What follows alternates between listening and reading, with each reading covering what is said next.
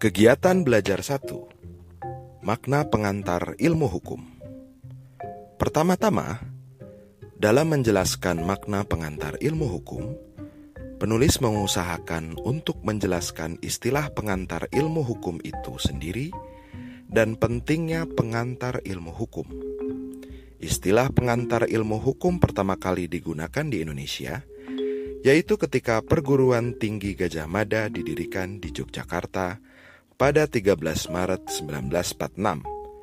Istilah ini merupakan terjemahan langsung dari mata kuliah Inleiding tot Rechtswetenschap yang diberikan di Rechtshogeschool RHS atau Sekolah Tinggi Hukum di Batavia pada zaman Hindia Belanda yang didirikan pada tahun 1924. Istilah ini pun sebetulnya terdapat juga dalam Hoger Onderwijswet 1920 atau Undang-Undang Perguruan Tinggi Negeri Belanda yang menggantikan istilah Encyclopedie de Rechtenschap yang berasal dari istilah Jerman Einführung in der Rechtswissenschaft.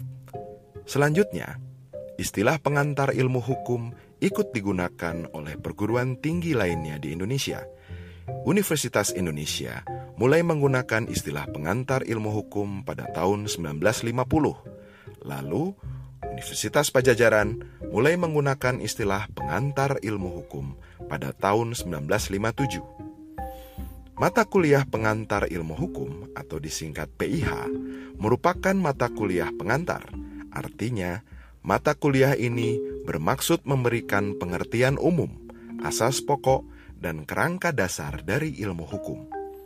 PIH adalah sebagai dasar dari pengetahuan hukum yang mengandung pengertian-pengertian dasar yang menjadi akar dari ilmu hukum. PIH berasal dari kata inleading yang artinya memperkenalkan. PIH memperkenalkan mengenai bahasa hukum dan pengantar hukum. PIH merupakan landasan utama atau landasan dasar untuk mengenal ilmu hukum. Salah satu bunyi keterangan dalam Universiteit Reglement Hindia Belanda yang juga diperlakukan pada Rechtshogeschool di Batavia menetapkan bahwa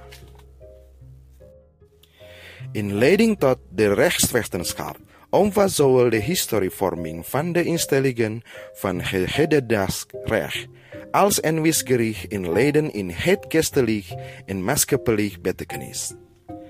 Kalimat di atas diterjemahkan secara bebas ke dalam bahasa Indonesia menjadi PIH mencakup uraian mengenai sejarah terbentuknya lembaga-lembaga hukum dewasa ini maupun pengantar filsafatnya dalam arti kerohanian maupun kemasyarakatan. Sebagai mahasiswa hukum, penting bagi kita untuk mengetahui apa makna serta tujuan mempelajari PIH. Mempelajari PIH umumnya dilaksanakan di perguruan tinggi yang dimaksudkan sebagai upaya untuk membentuk kepribadian manusia yang mengacu pada nilai-nilai tertentu. Kepribadian diartikan sebagai pola pikir, bersikap, merasa, dan bertindak secara terpadu dalam diri individu. Pendidikan bukan sekadar menggumuli fenomena yang tampak dari luar saja tapi juga langsung memahami konsep dasarnya, kemudian menganalisisnya secara nalar. Tentu saja, setelah belajar PIH, seseorang tidak akan langsung dapat membuat surat gugatan, membuat berbagai macam perjanjian, memahami aspek-aspek hukum surat-surat berharga, hukum acara, dan lain-lain. Tetapi, setelah mempelajari PIH, seseorang menjadi tahu apa sesungguhnya hukum apa tujuannya, apa yang dilakukannya, bagaimana sistematikanya dari pengertian hukum itu, kedudukan hukum dalam masyarakat, dan sebagainya. Maka, maksud dari mata kuliah ini sudah cukup tercapai. PIH menurut Ahmad Sanusi hanya berfungsi sebagai basic lirfak atau mata kuliah dasar sebagai pendukung pada mata kuliah lainnya. PIH bukan merupakan suatu mata kuliah latihan berpraktek, sehingga jarang sekali diperlukan di dalam praktek. dalam jabatan-jabatan negeri maupun swasta.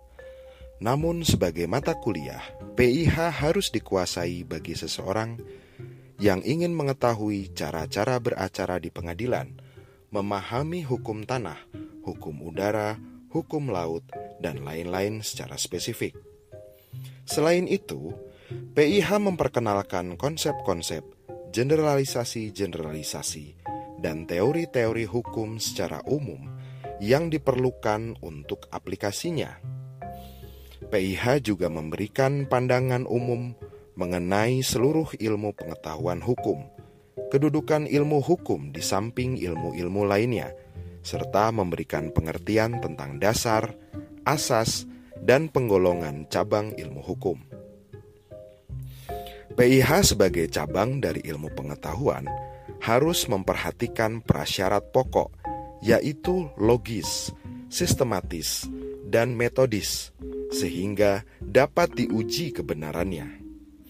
Hal ini disebabkan dalam ilmu hukum terdapat rasio skripta, yaitu penggambaran terhadap sesuatu gejala hukum melalui alur berpikir secara satu rasional, logis, dua suatu pemaparan yang runtut, sistematis, tiga melalui teknik pendekatan tertentu, metodis.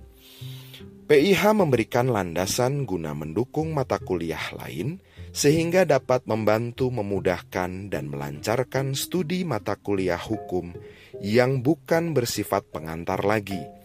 Ruang lingkup pembahasan PIH antara lain 1. Mempelajari dasar-dasar hukum, termasuk PIH dalam arti sempit, dan pengantar hukum Indonesia, PHI.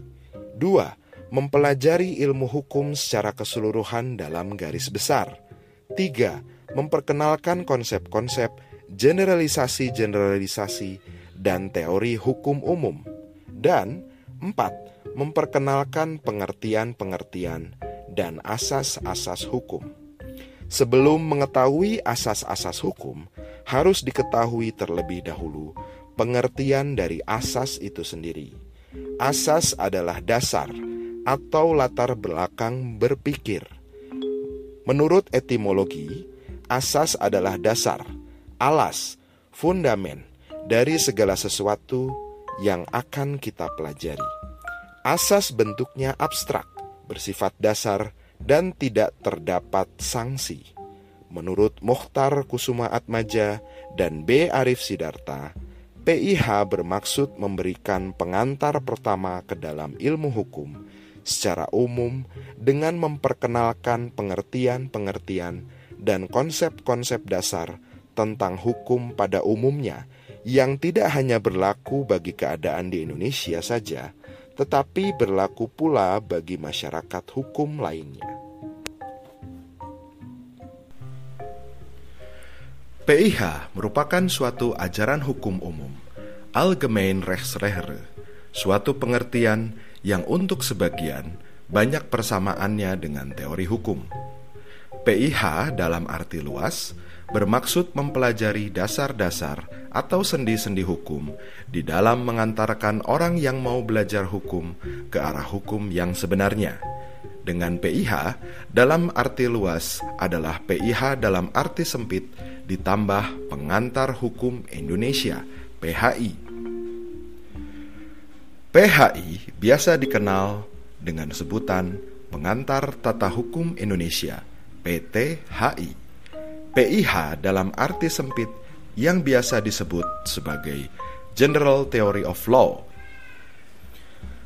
Sedangkan PTHI atau biasa disebut Jus Positivus, Jus Constitutum, Stellig. Secara singkat, PIH dan PHI memiliki persamaan dan perbedaan.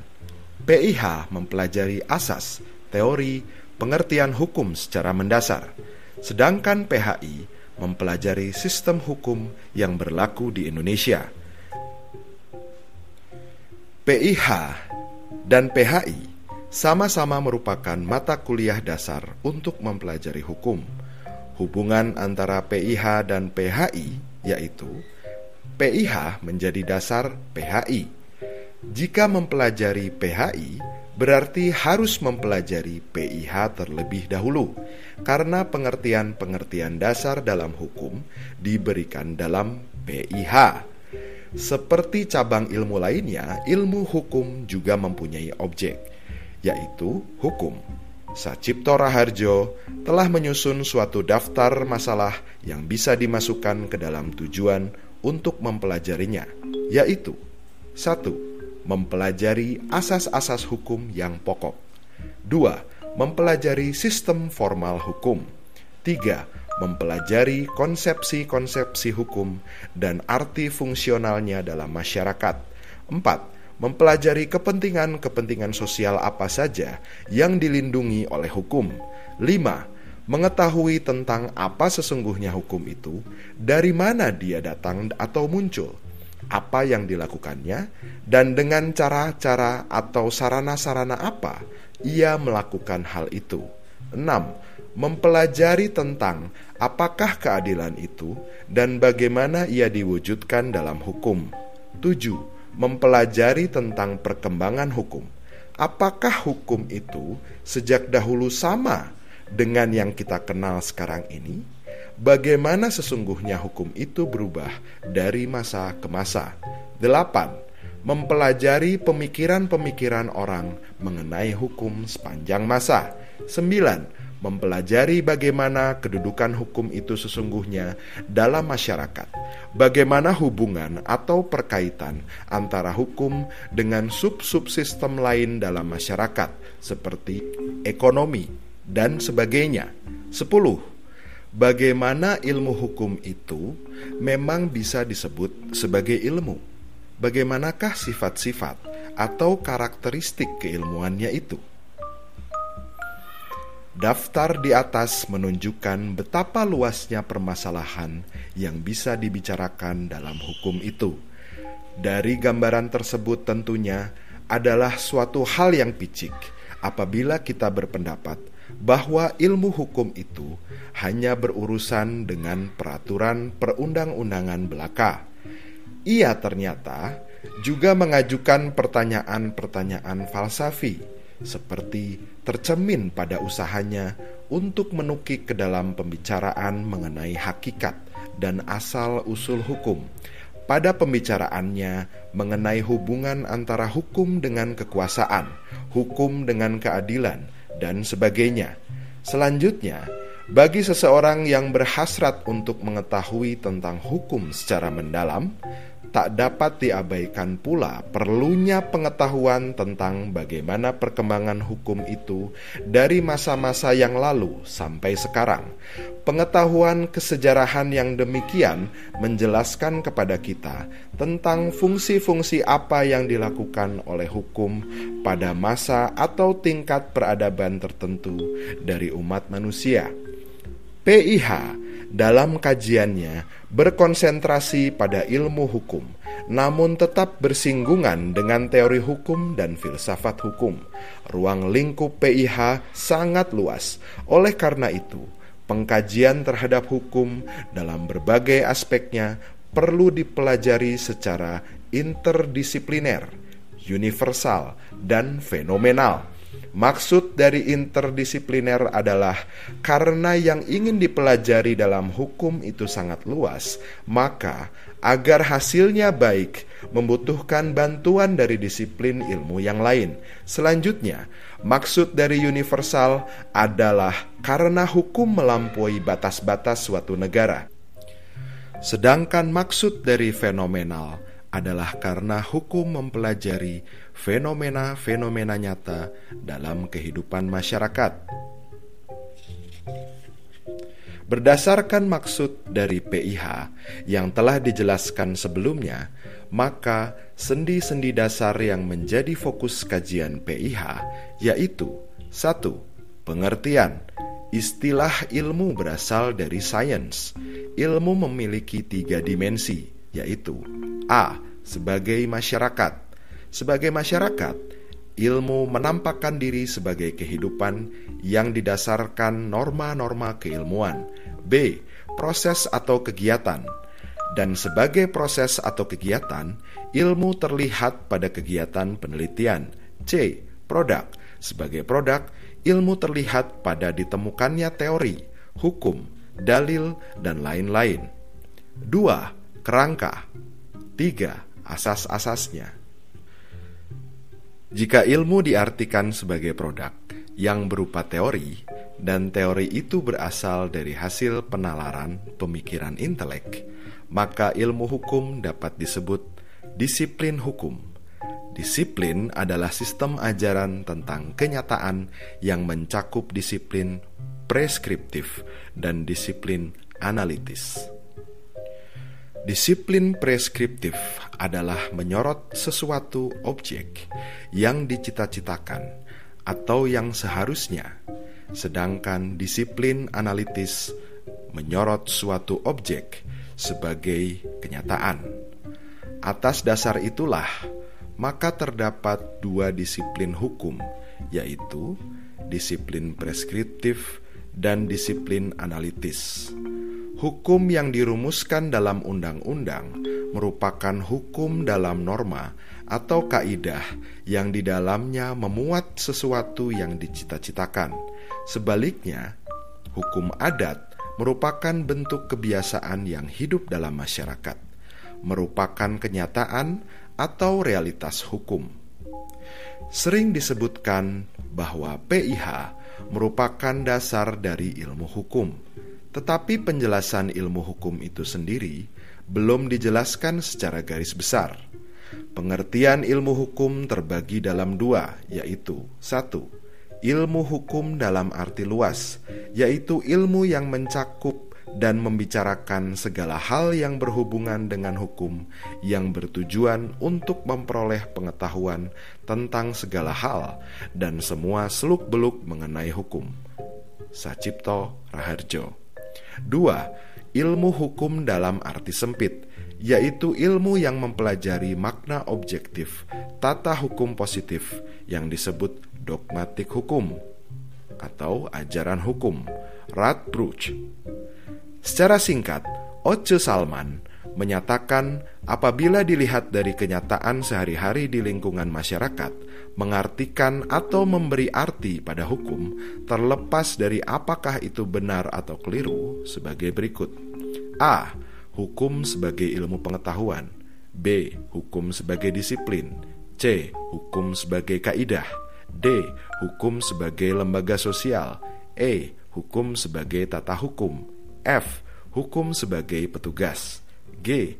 Hukum sebagai keputusan penguasa, h hukum sebagai proses pemerintah, I. Hukum sebagai sarana sistem pengendalian sosial, J.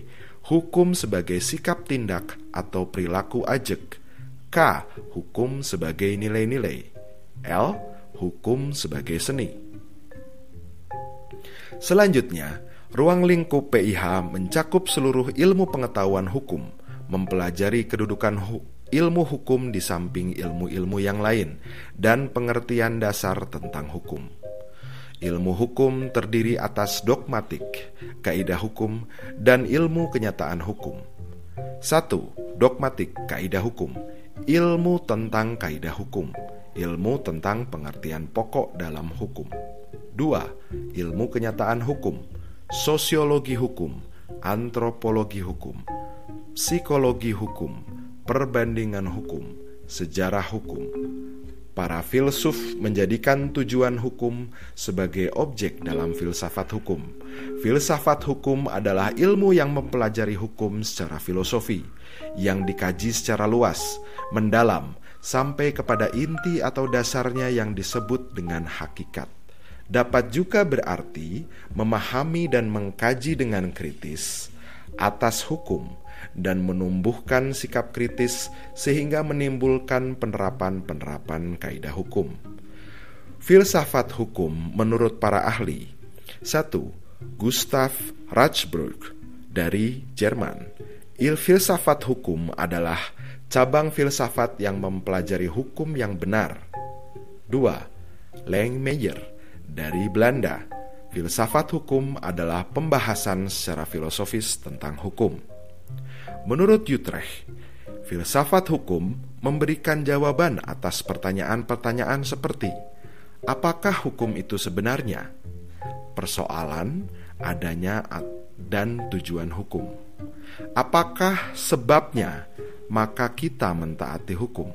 Persoalan berlakunya hukum. Apakah keadilan yang menjadi ukuran untuk baik buruknya hukum itu? Persoalan keadilan hukum. Inilah pertanyaan-pertanyaan yang sebetulnya juga dijawab oleh ilmu hukum. Akan tetapi, bagi banyak orang tidak memuaskan. Ilmu hukum sebagai suatu ilmu empiris hanya melihat hukum sebagai suatu gejala saja. Menerima hukum sebagai suatu gegebenheit sebelaka. Filsafat hukum hendak melihat hukum sebagai kaidah dalam arti kata etis warde ordel. Objek pembahasan filsafat hukum bukan hanya tujuan hukum, melainkan masalah hukum yang mendasar sifatnya, yang muncul di dalam masyarakat yang memerlukan suatu pemecahan. Filsafat hukum saat ini merupakan hasil pemikiran dari para ahli hukum yang dalam tugas kesehariannya banyak menghadapi permasalahan yang menyangkut keadilan sosial di masyarakat. Masalah-masalah hukum tersebut dapat diungkapkan sebagai berikut: 1. Hubungan hukum dengan kekuasaan. 2. Hubungan hukum dengan nilai-nilai sosial budaya. 3.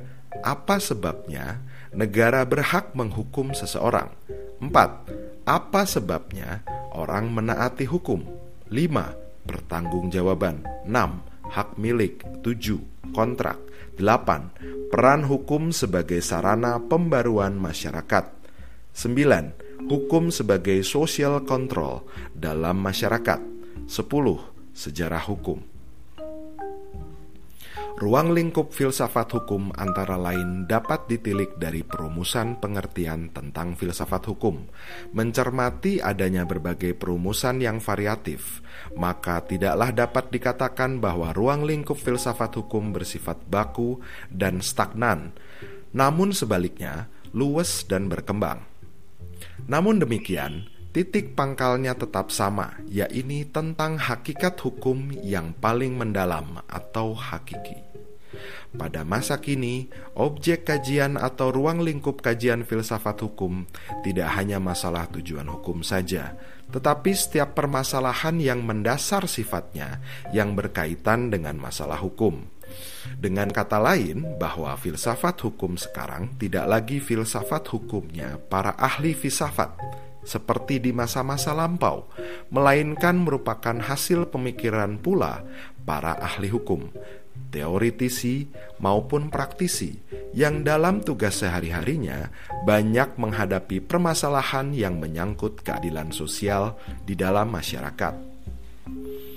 Berikut adalah sistematika dari pengertian-pengertian dasar ilmu hukum yang harus diketahui dan dipahami sebelum mempelajari ilmu hukum lebih lanjut. 1. Masyarakat hukum sistem hubungan teratur dengan hukumnya sendiri. Hukumnya sendiri maksudnya hukum yang tercipta di dalam, oleh, dan untuk masyarakat itu sendiri dalam sistem hubungan tadi. Hubungan dapat berupa relaps, relasi abstrak atau komunikasi konkret. 2. Subjek hukum. Setiap pihak sebagai pendukung hak dan kewajiban Sedangkan sifat subjek hukum yaitu mandiri, terlindungi, minderjarik, ombekwamheid, perantara. Hakikat subjek hukum dibedakan antara A. Pribadi kodrati naturlich person Pribadi hukum menurut teori fiksi merupakan suatu abstraksi, bukan hal yang konkret di mana suatu hubungan hukum hak-hak dan kewajiban yang timbul memberi kehendak berkuasa Wilsmach kepada orang-orang yang menjadi pengurus. Teori harta bertujuan mengatakan bahwa kekayaan badan hukum itu tidak terdiri dari hak-hak sebagaimana lainnya, yaitu terlepas dari wewenang yang memegangnya on personally sub the clause. Intinya, tidak kepada siapakah subjek hukum itu, tetapi kekayaan tersebut diurus dengan tujuan apa. B. Pribadi hukum, reh person. Pribadi hukum menurut teori kenyataan yuridis, badan hukum merupakan suatu realitas sosial, konkret, real, meskipun tidak bisa diraba. Teori harta kekayaan bersama menyatakan bahwa badan hukum merupakan suatu kumpulan yang mempunyai harta bersama dari pengurusnya. Oleh karena itu, mereka harus bertanggung jawab bersama-sama.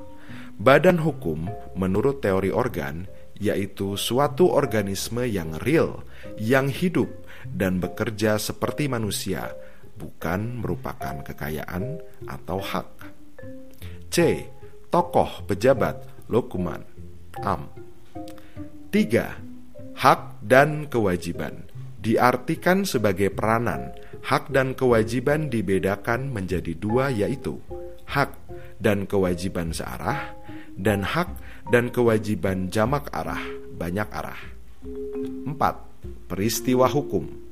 Peristiwa yang akibatnya diatur oleh hukum atau setiap peristiwa yang mempunyai akibat hukum. Peristiwa hukum dapat berupa A. Keadaan omstandigheid seperti 1. Alamiah Siang, malam 2. Kejiwaan Normal, abnormal 3. Sosial Keadaan perang, keadaan darurat B. Kejadian geburtinis seperti kelahiran, kematian C. Sikap tindak atau perilaku gedraging 5 Hubungan hukum Reh betrekking Setiap hubungan yang terjadi dalam masyarakat yang diberi kualitatif oleh hukum sebagai hubungan hukum sebagai ikatan hak dan kewajiban bagi masing-masing pihak yang melakukan.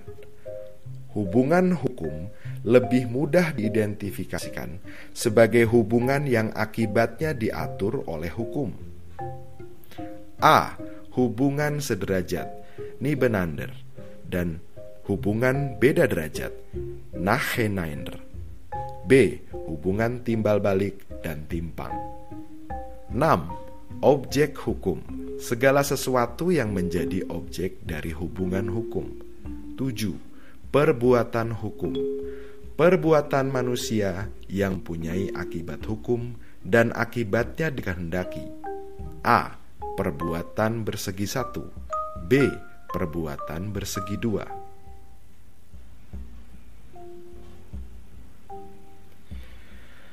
Disiplin hukum pada dasarnya ialah suatu sistem ajaran tentang hukum. Ilmu hukum merupakan bagian dari disiplin hukum. Kajian kaidah hukum ialah suatu cabang atau bagian dari ilmu hukum yang khusus mengajarkan pada kita perihal kaidah hukum dan segala seluk-beluk yang bertalian di dalamnya. Misalkan perumusan, pembagian menurut macam, wujud, sifat, esensi, tujuan, dan sebagainya.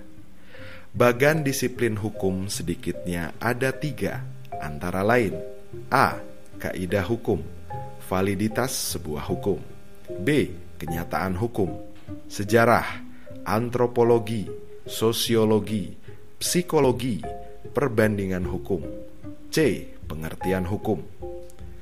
Selanjutnya, yang dimaksud dengan disiplin adalah sistem ajaran mengenai kenyataan atau gejala-gejala yang dihadapi. Secara umum, disiplin dapat dibedakan antara disiplin analitis, deskriptif, dan disiplin preskriptif.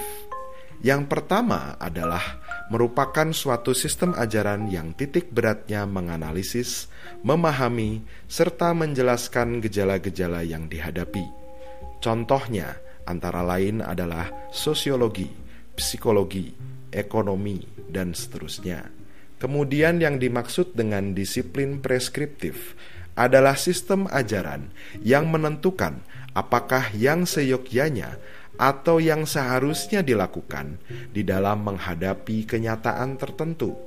Dari pernyataan tersebut, nampak dengan jelas bahwa disiplin preskriptif terkandung adanya nilai-nilai tertentu yang akan dikejar atau bersifat normatif, memberi pedoman patok. Beberapa bidang studi yang termasuk dalam kelompok disiplin preskriptif adalah hukum filsafat. Apabila pembicaraan dibatasi pada disiplin hukum, maka mencakup tentang satu Ilmu-ilmu hukum. Ilmu-ilmu hukum sebagai kumpulan dari berbagai cabang ilmu pengetahuan, antara lain meliputi A. Ilmu tentang kaidah atau norm Wissenschaft atau Solenwissen Skaf, yaitu ilmu yang menelaah hukum sebagai kaidah atau sistem kaidah-kaidah. B. Ilmu pengertian, yaitu ilmu tentang pengertian-pengertian pokok dalam hukum seperti subjek hukum, hak dan kewajiban, peristiwa, hukum, dan objek hukum. Ilmu tentang kenyataan atau Wissenschaft atau Wissenschaft yang menyoroti hukum sebagai sikap tindak atau keperilakuan yang antara lain mencakup satu Sosiologi hukum, yaitu suatu cabang ilmu pengetahuan yang secara empiris dan analitis mempelajari hubungan timbal balik antar hukum sebagai gejala-gejala sosial dengan gejala sosial yang lain. Dua, antropologi hukum, yaitu suatu cabang ilmu pengetahuan yang mempelajari pola-pola sengketa dan penyelesaiannya pada masyarakat-masyarakat sederhana maupun masyarakat-masyarakat yang sedang mengalami proses modernisasi. Tiga, Psikologi hukum, yaitu suatu cabang ilmu pengetahuan yang mempelajari hukum sebagai suatu perwujudan dari perkembangan jiwa manusia. Empat, perbandingan hukum yang merupakan cabang ilmu pengetahuan yang memperbandingkan sistem-sistem hukum yang berlaku di dalam satu atau beberapa masyarakat. 5. Sejarah hukum yang mempelajari perkembangan dan asal-usul dari suatu sistem hukum suatu masyarakat tertentu. 2. Politik hukum. Politik hukum yang merupakan bagian dari disiplin hukum adalah mencakup kegiatan nilai-nilai dan menerapkan nilai-nilai. 3. Filsafat hukum. Filsafat yang juga merupakan bagian dari disiplin hukum adalah perenungan dan perumusan nilai-nilai yang mencakup juga penyerasian nilai-nilai. Misalnya, penyerasian antara ketertiban dengan ketentraman, antara kebendaan dengan keahlakan, dan antara kelanggengan atau konservatisme dengan pembaharuan. Ilmu hukum tidak hanya membicarakan mengenai peraturan undang-undang saja, melainkan juga filsafatnya. Jadi, ilmu hukum tidak hanya mempersoalkan suatu tatanan hukum tertentu yang berlaku di suatu negara, dapat disingkat bahwa subjek hukum dari ilmu hukum adalah hukum. Jadi, hukum sebagai suatu fenomena dalam kehidupan manusia di mana saja dan kapan saja. Dengan demikian, hukum itu dapat dilihat sebagai fenomena universal dan bukan lokal atau regional. Demikian pula ada yang mengatakan bahwa ilmu hukum adalah ilmu yang berusaha menjelaskan tentang keadaan. Ditinjau dari segi ilmu sosial, pengantar ilmu hukum adalah suatu mata pelajaran yang merupakan pengantar ke arah ilmu hukum. Ilmu hukum ini termasuk ilmu sosial yang objek penyelidikannya adalah tingkah laku manusia dan masyarakat dalam berbagai bentuknya. Oleh karena itu, kedudukan pengantar ilmu hukum sejajar dengan ilmu-ilmu sosial lainnya. Menurut John Austin, Tugas dan tujuan mempelajari ilmu hukum adalah untuk menganalisis unsur-unsur yang secara nyata ada dari sistem hukum modern.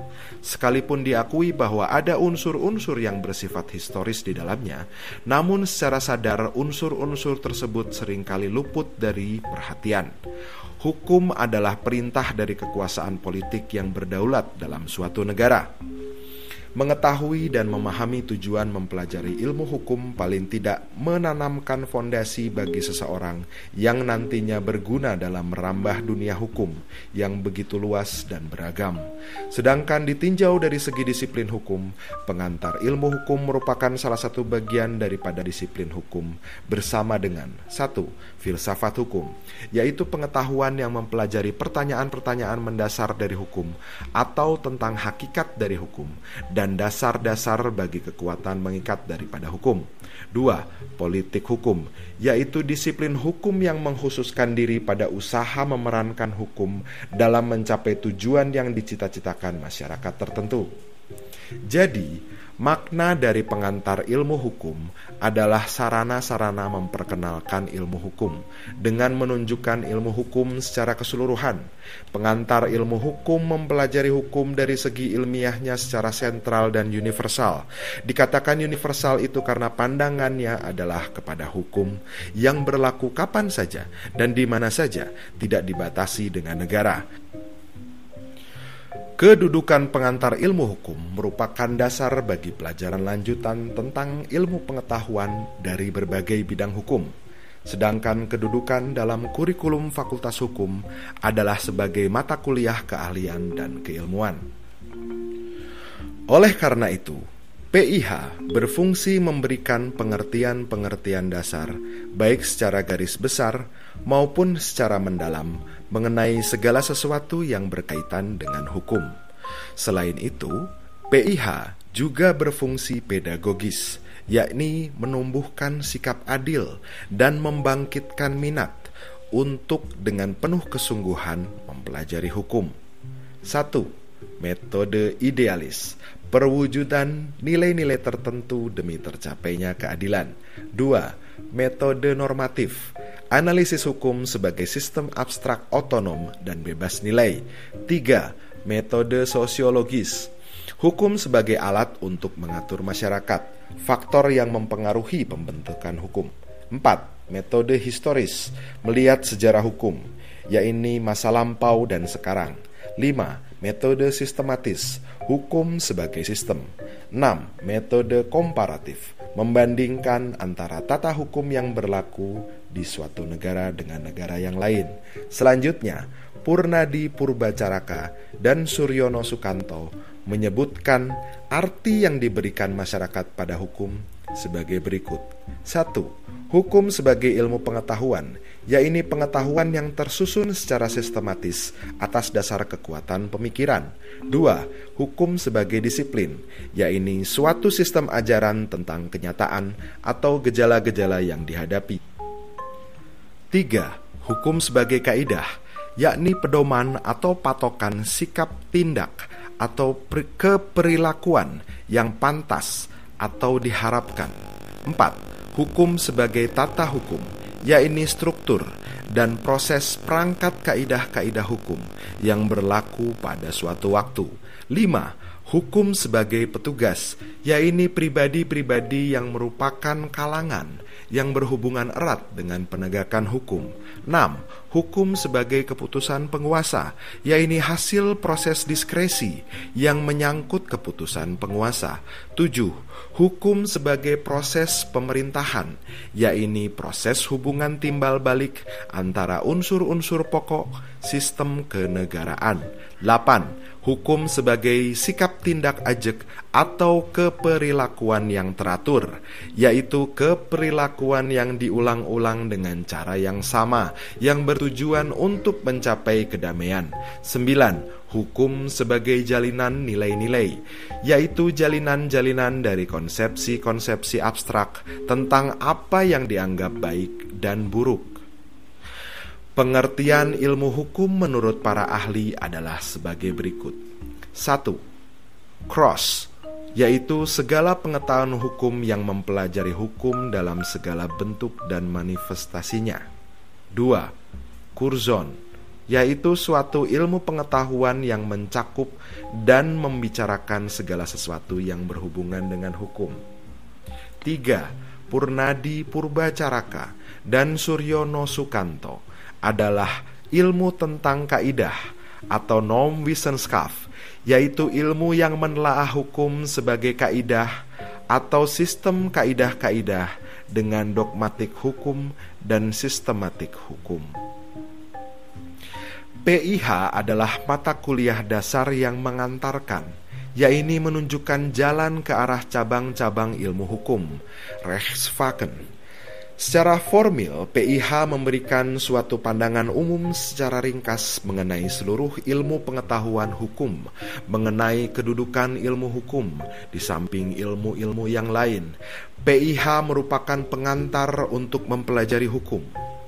1. Tidak menunjuk pada suatu sistem hukum tertentu. Dua, mempelajari tentang tujuan hukum. Tiga, mempelajari tentang pengertian hak dan kewajiban. Empat, mempelajari tentang pengertian-pengertian dalam hukum. Lima, mempelajari tentang sumber-sumber hukum. Enam, mempelajari tentang aneka sistem hukum yang ada dalam masyarakat. Ilmu hukum dalam bahasa Inggris dikenal dengan jurisprudence. Kata itu berasal dari dua kata Latin, yaitu juris yang artinya hukum dan prudensia yang artinya kebijaksanaan atau pengetahuan. Ilmu hukum, jurisprudence, secara luas sebagai sesuatu yang bersifat teoritis tentang hukum dan mempunyai pengertian suatu metode kajian tentang hukum secara umum Para penulis Inggris memakainya dalam anatomi perbandingan sistem-sistem yang sudah maju. Para penulis Prancis mengartikannya sebagai kecenderungan dari keputusan yang diambil oleh pengadilan-pengadilan.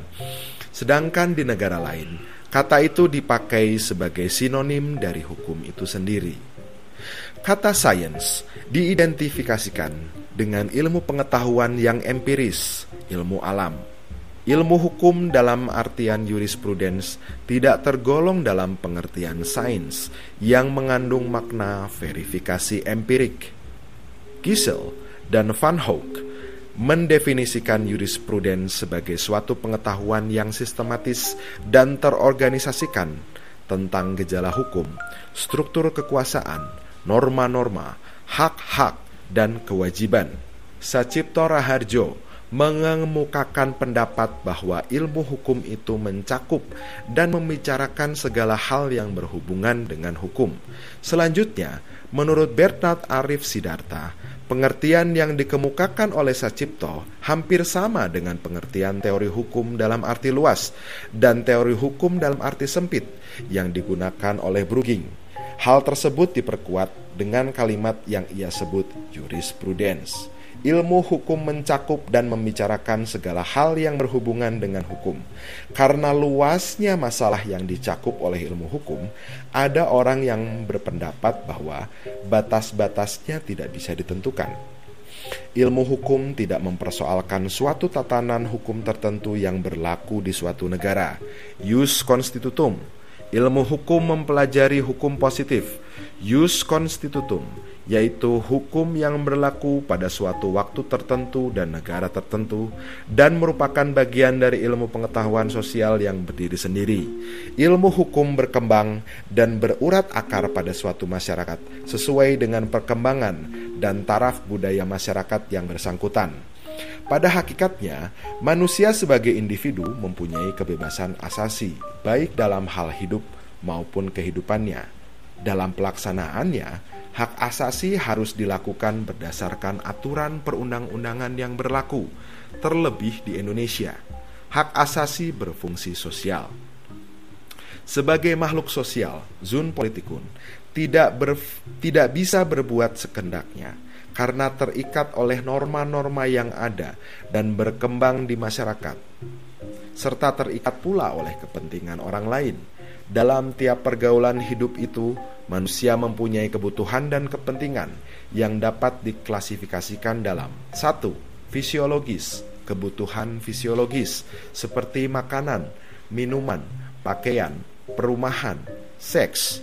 Dua, kebutuhan keamanan, ketertiban, dan ketentraman dari gangguan, ancaman, atau serangan pihak lain.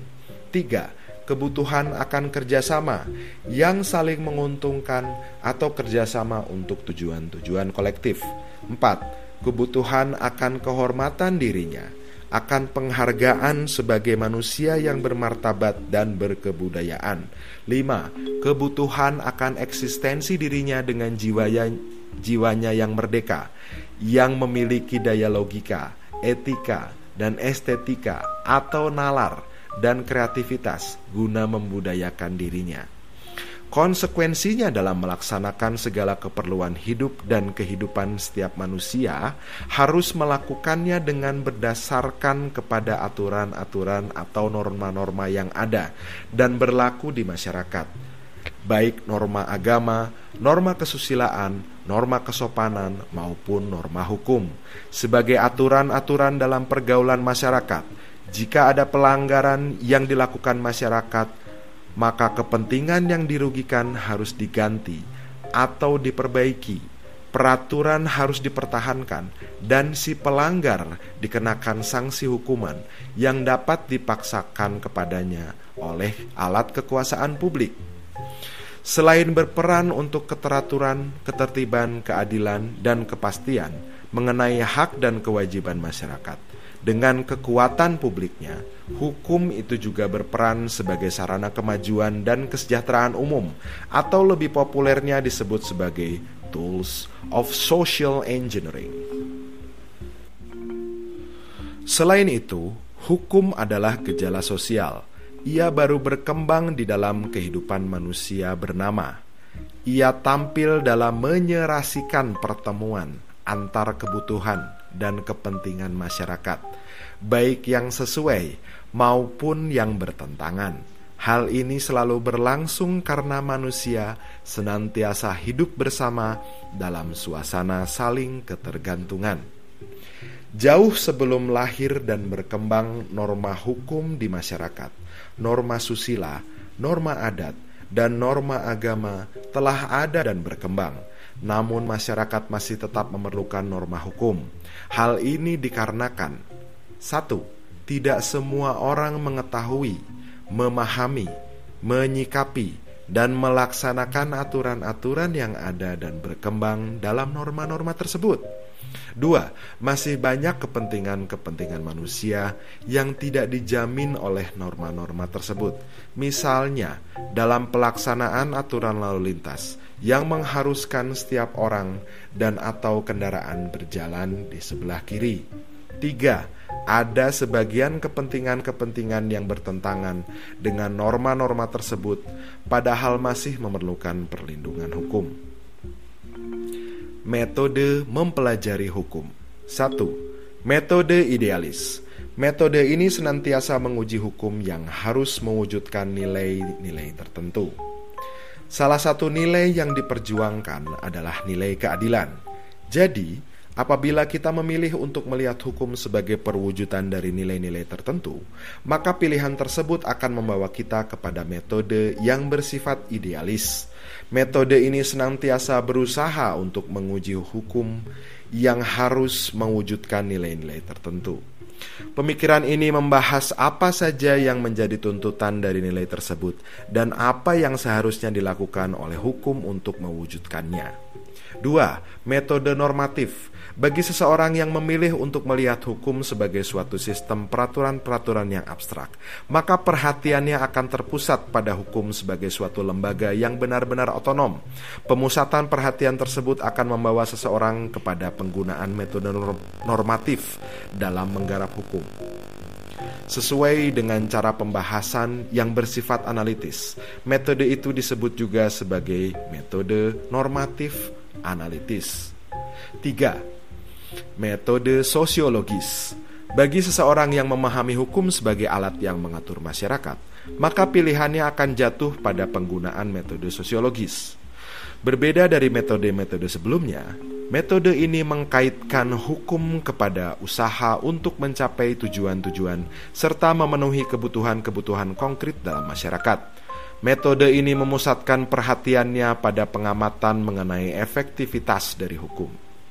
Cabang-cabang ilmu hukum yang termasuk ilmu hukum tidak hanya satu.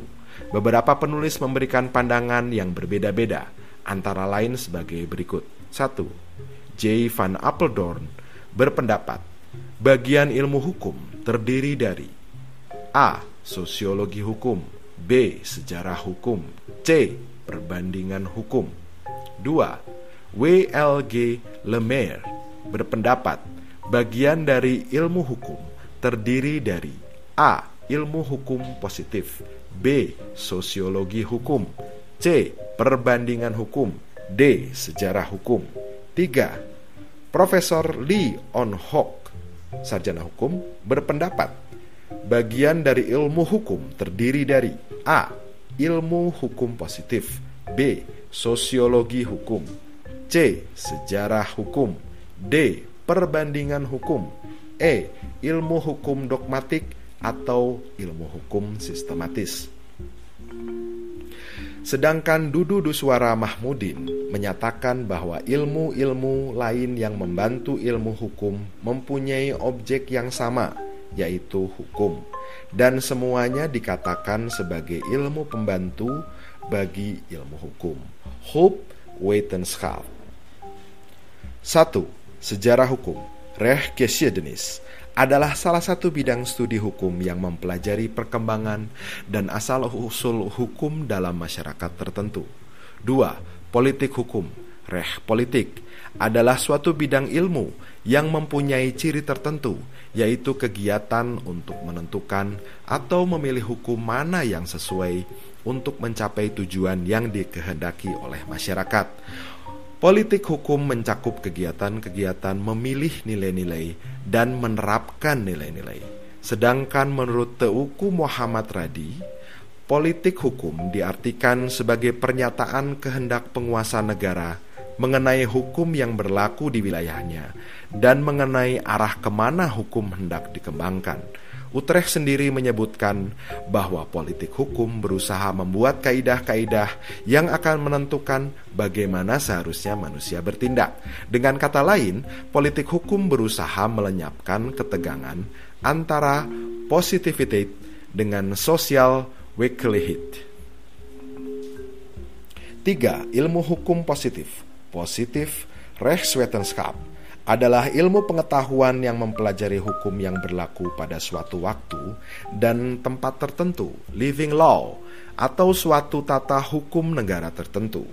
4. Sosiologi hukum, sosiologi, adalah suatu cabang ilmu pengetahuan yang secara empiris dan analitis mempelajari hubungan timbal balik antara hukum sebagai gejala sosial dengan gejala-gejala sosial lainnya. 5 filsafat hukum, reh filosofi, adalah refleksi tentang hukum yang mempermasalahkan hukum dari pelbagai pertanyaan yang mendasar. Misalnya, A. Apakah hakikat hukum? Quid ius? B. Apa dasar-dasar mengikatnya hukum? C. Mengapa hukum berlaku umum? D. Bagaimana hubungan antara hukum dengan kekuasaan, moral, dan keadilan? Dari pengertian di atas dapat dikatakan secara singkat bahwa ilmu hukum adalah suatu pengetahuan yang objeknya adalah hukum dan yang khusus mengajarkan perihal hukum dalam segala bentuk manifestasinya. Ilmu hukum sebagai ilmu kaidah, ilmu hukum sebagai ilmu pengertian, dan ilmu hukum sebagai ilmu kenyataan. Ada pula Han Kelsen yang berpendapat bahwa ilmu hukum adalah semata-mata dan hanya ilmu logikal, dan sebagai demikian adalah ilmu. Sejalan dengan pendekatan filosofis, ilmu hukum pada dasarnya bersifat normatif, preskriptif, bahkan dogmatis. Dengan itu, hukum dipandang sebagai serangkaian kaidah-kaidah hidup yang harus berlaku. Bahkan ada aliran yang berpendapat bahwa berlakunya hukum terlepas dari kenyataan apakah masyarakat mentaatinya atau tidak. Dianggapnya bahwa dunia hukum terletak dalam dunia das Sollen, sedangkan kenyataan ditaatinya hukum itu terletak pada dunia das Sein. Dalam masyarakat dijumpai pelbagai derajat kepatuhan, antara lain: satu, seseorang bersikap tindak atau berperilakuan sebagaimana diharapkan oleh hukum dan menyetujui sistem nilai-nilai dari mereka yang berwenang. Dua, seseorang berperilakuan sebagaimana diharapkan oleh hukum dan menyetujuinya, tetapi tidak setuju dengan penilaian yang diberikan oleh yang berwenang terhadap hukum yang bersangkutan. Tiga, seseorang mematuhi hukum akan tetapi dia tidak setuju dengan kaidah-kaidah tersebut maupun pada nilai-nilai yang berwenang. Empat, seseorang tidak patuh pada hukum, akan tetapi dia menyetujuinya dan demikian juga terhadap nilai-nilai dari mereka yang berwenang. Lima, seseorang sama sekali tidak menyetujui seluruhnya dan tidak patuh pada hukum seperti melakukan protes. Istilah jurisprudens berasal dari kata Latin juris yang artinya hukum dan prudens yang artinya pengetahuan. Dengan demikian, jurisprudens diartikan sebagai pengetahuan tentang hukum. Kata hukum itu sendiri memiliki berbagai konotasi. Hubungan dengan jurisprudens, kata hukum dikaitkan dengan pengertian abstrak. Jadi bukan dalam pengertian yang bersifat konkret seperti dalam bentuk perundang-undangan. Beberapa penulis mencoba mengemukakan perumusan jurisprudens, yaitu Salmon and Gray. Salmon mengatakan bahwa perumusan jurisprudens adalah sebagai berikut. Jurisprudence is the name given to a certain type of investigation of an abstract general and theoretical nature which seeks to lay bare the essential principle of law and legal system by reflecting on a the nature of legal rules b the underlying meaning of legal concept and essential features of a legal system. Sedangkan Gray mengatakan bahwa perumusan jurisprudens yang lebih sederhana adalah sebagai berikut.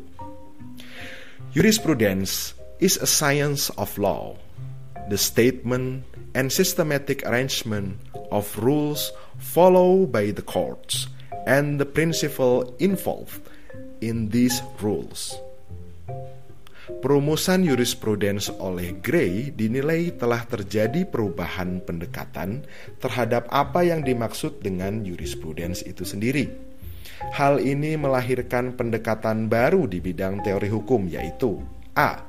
Sociological jurisprudence, yaitu teori hukum yang menekankan studi tentang bekerjanya hukum secara aktual dalam suatu masyarakat tertentu.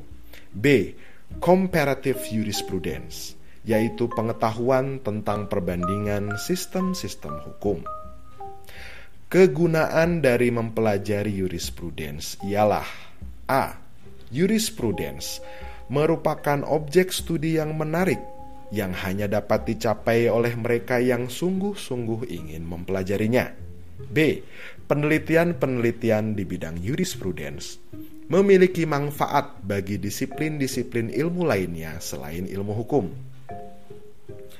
C. Jurisprudence juga memiliki nilai praktis di bidang hukum khususnya.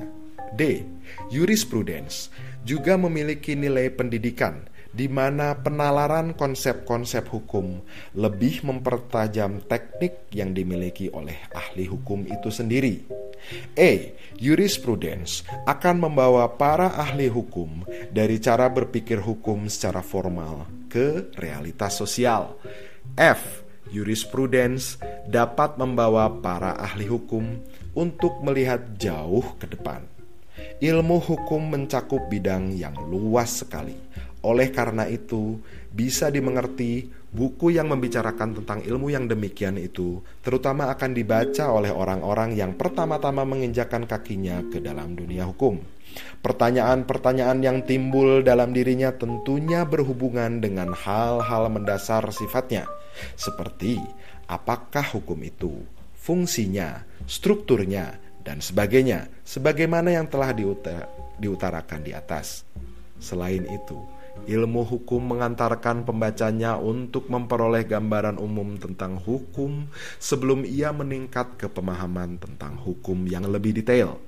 Oleh karena itu, ilmu hukum itu bisa disifatkan juga sebagai suatu pengantar ke dalam studi lebih lanjut tentang hukum. Maksud studi lebih lanjut yaitu pengamatan terhadap fenomena hukum yang sudah lebih positif sifatnya, yaitu ketentuan-ketentuan konkret mengenai suatu bidang hukum.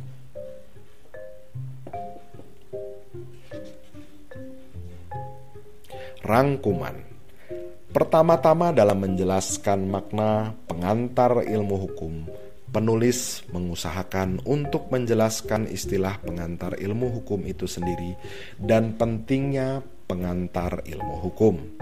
Istilah pengantar ilmu hukum PIH berasal dari istilah Einfuhrung in die Rechtswissenschaft.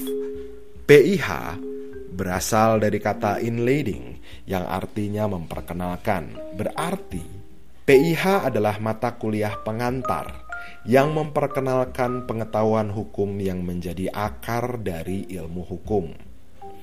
Menurut Ahmad Sanusi, PIH berfungsi sebagai basic lirfak atau mata kuliah dasar sebagai pendukung mata kuliah lainnya. PIH tidak hanya membahas mengenai pengertian hukum secara keseluruhan dan garis besar saja, tetapi juga kedudukan ilmu hukum di samping ilmu-ilmu lainnya, serta dasar, asas, dan penggolongan cabang ilmu hukum. PIH sering disebut sebagai landasan utama atau dasar untuk mengenal ilmu hukum, misalnya dengan pengantar hukum Indonesia. Kita harus mempelajari PIH terlebih dahulu sebelum PHI, karena pengertian-pengertian dasar dalam hukum diberikan dalam PIH.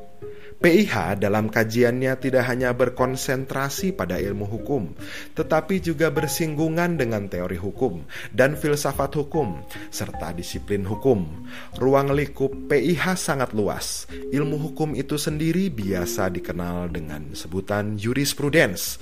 Kata ini berasal dari dua kata Latin, yaitu juris yang artinya hukum, dan prudensia yang artinya kebijaksanaan atau pengetahuan ilmu hukum tidak hanya membicarakan mengenai peraturan perundang-perundangan saja, melainkan juga filsafatnya.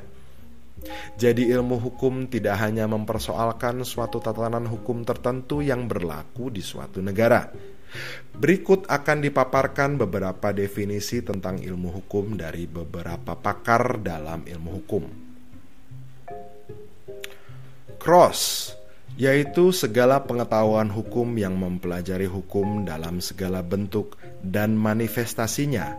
Kurzon, yaitu suatu ilmu pengetahuan yang mencakup dan membicarakan segala hal yang berhubungan dengan hukum.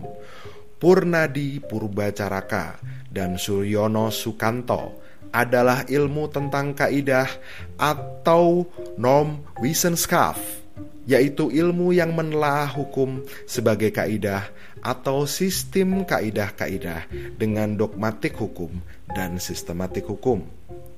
Ditinjau dari segi disiplin hukum, PIH merupakan salah satu bagian dari disiplin hukum bersama dengan filsafat hukum dan politik hukum yaitu disiplin hukum yang menghususkan diri pada usaha memerankan hukum dalam mencapai tujuan yang dicita-citakan masyarakat tertentu.